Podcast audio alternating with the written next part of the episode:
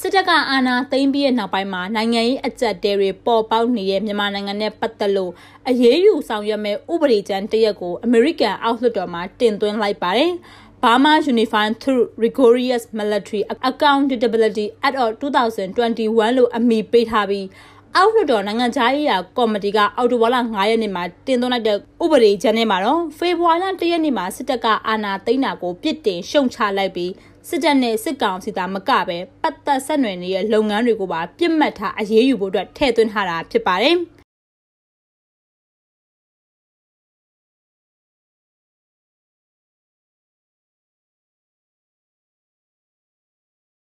မြန်မာနိုင်ငံမှာနှစ်နဲ့ချီနိုင်ငံရေးပြောင်းလဲမှုတွေနဲ့အတူအတိမ်းဆောင်မခံတဲ့ဒီမိုကရေစီအသွင်ကူးပြောင်းရေးလုပ်ငန်းတွေကိုသွေးဖယ်ပြီးမြန်မာစစ်တပ်ကဥပဒေမဲ့အာဏာသိမ်းယူခဲ့တာကလနဲ့ချီရှိလာနေတဲ့အချိန်မှာအကြမ်းဖက်လုပ်ရတွေကိုရပ်တန့်ဖို့မတရားဖမ်းထားတဲ့သူတွေကိုပြန်လွှတ်ဖို့နဲ့သက်ဆိုင်သူတွေနဲ့အတိတ်ပဲရှိတဲ့ဆွေးနွေးမှုတွေလုပ်ဖို့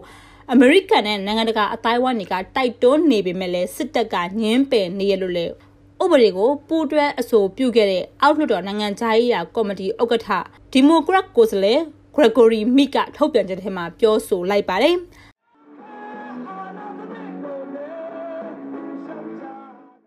2021ခုနှစ်မြန်မာနိုင်ငံဆိုင်ရာဥပဒေကျမ်းမှာတော့စစ်အာဏာသိမ်းမှုနဲ့လူအခွင့်အရေးချိုးဖောက်မှုတွေအတွက်တာဝန်ရှိသူတွေကိုဒဏ်ခတ်အရေးယူဖို့မြန်မာနိုင်ငံကနေတင်ပို့တဲ့ကြောက်မြတ်တွေကိုအမေရိကန်ကိုတင်ပို့ခွင့်နေတားမြစ်ဖို့ မြန်မာနိုင်ငံဆိုင်ရာညှိနှိုင်းရေးမှုကိုတာဝန်ပေးဖို့ကုလသမဂ္ဂကထိရောက်တဲ့အရေးယူမှုတွေလုပ်အောင်အမေရိကန်ကဖိအားပေးဖို့တွေဝါဥပဒေထဲမှာထည့်သွင်းထားပါတယ်။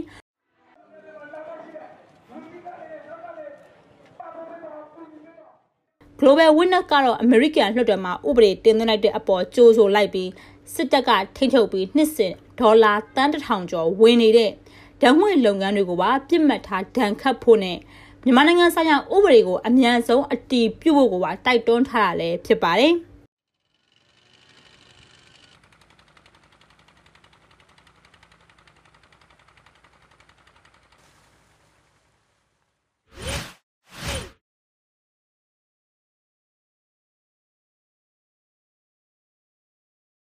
2020 2021ခုနှစ်ဘဏ္ဍာနှစ်အစကနေဘဏ္ဍာနှစ်မပြည့်ခင်ဩဂုတ်လအထိ မြန်မာနိုင်ငံမှာနိုင်ငံခြားယင်းနှိမ့်နှံမှုကနေစုစုပေါင်းအမေရိကန်ဒေါ်လာ3.8ဘီလီယံပဲဝင်ရောက်ထားရလို့စစ်ကောင်စီရဲ့စီးပွားကူးသန်းဝန်ကြီးဌာနကထုတ်ပြန်ချက်အရသိရပါတယ်။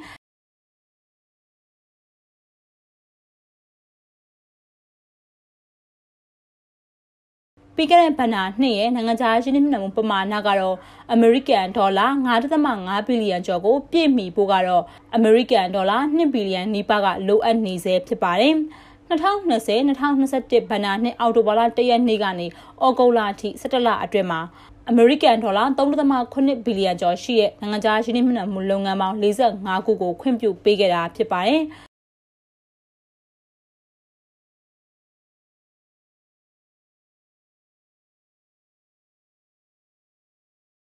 အများဆုံးခွင့်ပြုပေးခဲ့တဲ့ကဏ္ဍကတော့စွမ်းအင်ကဏ္ဍဖြစ်ပြီး ရင်းနှီးမြှုပ်နှံမှုပမာဏစုစုပေါင်းရဲ့80ရာခိုင်နှုန်းကျော်ထိခွင့်ပြုပေးခဲ့တာဖြစ်ပါတယ်။ကော်ထုတ်လုပ်မှုခန္ဓာမှာ9ရာခိုင်နှုန်းနဲ့ဒုတိယအများဆုံးခွင့်ပြုပေးခဲ့ပါတယ်။စစ်တပ်ကအာဏာသိမ်းလိုက်ပြီးတဲ့နောက်ပိုင်းမှာနိုင်ငံတကာယင်းနှိမ့်နှံမှုလုပ်ငန်းအသစ်တွေရဲ့ဝင်ရောက်မှုပမာဏတွေကရော့ကျသွားတဲ့အပြင် ပြည်တွင်းမှာစီးပွားရေးလှုပ်ကန်ရတာမလွယ်ကူတဲ့အတွက်မြန်မာနိုင်ငံတွေကနေထွက်ခွာသွားတဲ့နိုင်ငံတကာစီးပွားရေးလုပ်ငန်းတွေအကြီးစားနိုင်ငံခြားရင်းနှီးမြှုပ်နှံမှုလုပ်ငန်းတွေကလည်းအများအပြားရှိနေတာဖြစ်ပါတယ်။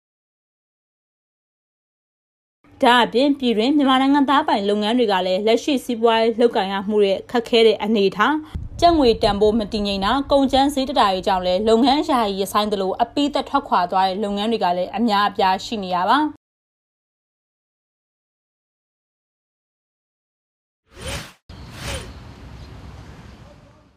ဘဏ်တွေကနေမြန်မာကျပ်ငွေထားရှိရမယ့်အ ਨੇ ဆုံးတည်တံ့ငွေလိုအပ်ချက်ကိုယာယီပြင်ဆင်လျှော့ချသတ်မှတ်တဲ့ကာလကိုတိုးမြှင့်လိုက်တယ်လို့စစ်ကောင်စီလက်အောက်ခံဗဟိုဘဏ်ကထုတ်ပြန်လိုက်ပါတယ်။ COVID-19 ရောဂါနဲ့ပတ်သက်ပြီးဖြစ်ပေါ်နေတဲ့အခြေအနေတွေရ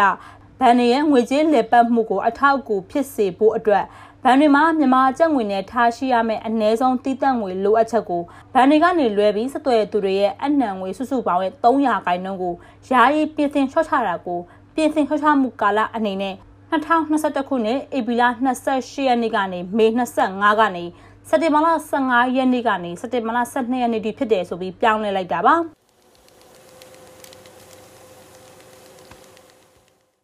စစ်ကောင်စီဗဟိုဘဏ်ကလက်ရှိဘဏ်တွေရဲ့ငွေကြေးလိုအပ်မှုအခြေအနေတွေကဘဏ်တွေရဲ့ငွေကြေးလွယ်ကူမှုကိုပိုအထောက်အကူပြုစေဖို့ဆိုပြီးညွှန်ကြားချက်အမှတ်6မြင်းဆောင်2021ပါယာယီပြည်စင်သတ်မှတ်ခဲ့တဲ့ကာလကိုနောက်ထပ်6လထိမ့်သိမ်းမှုကာလအနေနဲ့2021ခုနှစ်အောက်တိုဘာ23ကနေနိုဝင်ဘာ9ရက်ကနေ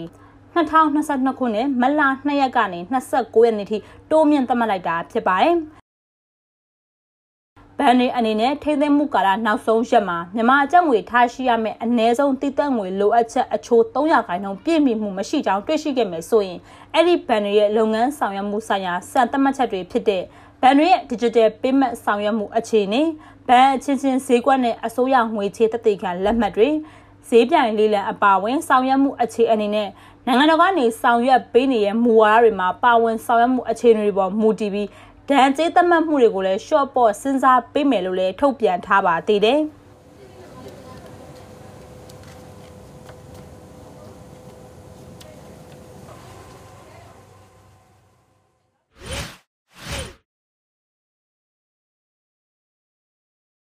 2021ခုနှစ်မိုးစဘာနဲ့2022ခုနှစ်နွေစဘာတွေအတွက်အခြေခံရည်ညွှန်းစဘာဈေးနှုန်းကို9သိန်း4000ကျပ်သတ်မှတ်တယ်လို့ တောင်သူသမားအခွင့်အရေးကာကွယ်ရေးနဲ့အကျိုးစီးပွားမြင့်တင်ရေးဥဆောင်မှုအဖွဲ့ကထုတ်ပြန်လိုက်ပါတယ်။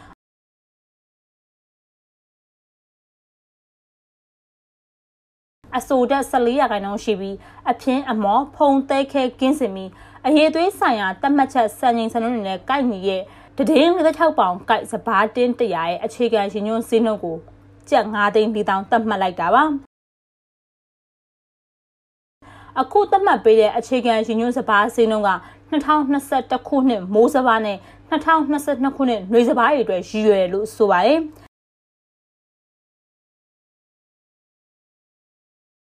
တောင်လူသမားအခွင့်အရေးကာကွယ်ရေးနဲ့အကျိုးစီးပွားမြင့်တင်ရေးဥပဒေပါပြဋ္ဌာန်းချက်တွေနဲ့အညီစဘာအသင်းတွေစိုက်ပျိုးထုတ်တဲ့တောင်တူလူသမားတွေအတွက်တင်တင်မျှတတဲ့ဈေးကွက်နဲ့ဈေးနှုန်းဖြစ်ပေါ်စေဖို့အတွက် စိုက်ပျိုးထုတ်လုပ်တဲ့စဘာသီးနှံတွေအတွက်အခြေခံရည်ညွှန်းစဘာတင်းတရာရဲ့အခြေခံရည်ညွှန်းစဘာဈေးကိုကျပ်9သိန်းတောင်သတ်မှတ်ပေးရလို့လည်းထုတ်ပြန်ချက်ထဲမှာဖော်ပြထားပါတယ်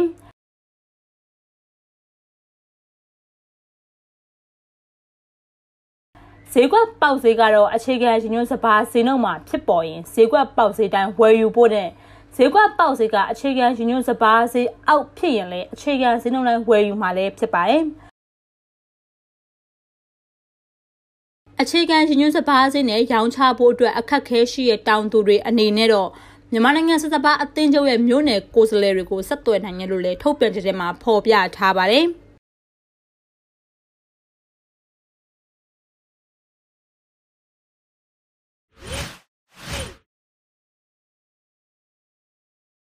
ရှမ်းပြည်နယ်မြောက်ပိုင်းကိုကန့်ကိုပိုင်အုပ်ချုပ်ခွင့်ရဒေသချင်းရွှေဟော်မြို့နယ်နဲ့တရုတ်နိုင်ငံကုန်သွယ်မှုတွေကို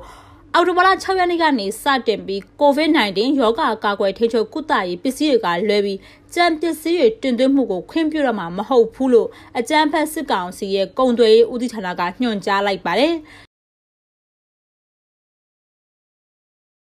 ချင်းရွှေဟောနေဆက်ခိတ်ကနေမြန်မာနိုင်ငံဒေသအသီးသီးကထွက်ရှိတဲ့စံပြောင်းကြံပဲစတဲ့စိုက်ပျိုးထုတ်ကုန်တွေကိုတ ရုတ်နိုင်ငံဘက်ကိုတင်ပို့ရောင်းချနေရလဲဖြစ်ပါတယ်။တရုတ်နိုင်ငံဘက်ကတော့စက်မှုထုတ်ကုန်လူသုံးကုန်နဲ့စိုက်ပျိုးရေးသွင်းအားစုတွေကိုမြန်မာနိုင်ငံဘက်ကိုတင်သွင်းနေရပါ။လက်ရှိမှာကိုကန့်ကိုပိုင်အုပ်ချုပ်ခွင့်ဒေသအတွင်းမှာရှိတဲ့လောက်ကိုင်းကုံချမ်းမော်ထိုက်နဲ့ချင်းရွှေရော်ကိုညမထွက်ရအမိန့်တွေထုတ်ပြန်ထားပြီး COVID-19 ရောဂါကာကွယ်ထိန်းချုပ်ဖို့အတွက်လည်းဒေတာဦးစီးအဖွဲ့ကအသွာလာကန့်သက်ထားရလို့လည်းသိရပါတယ်။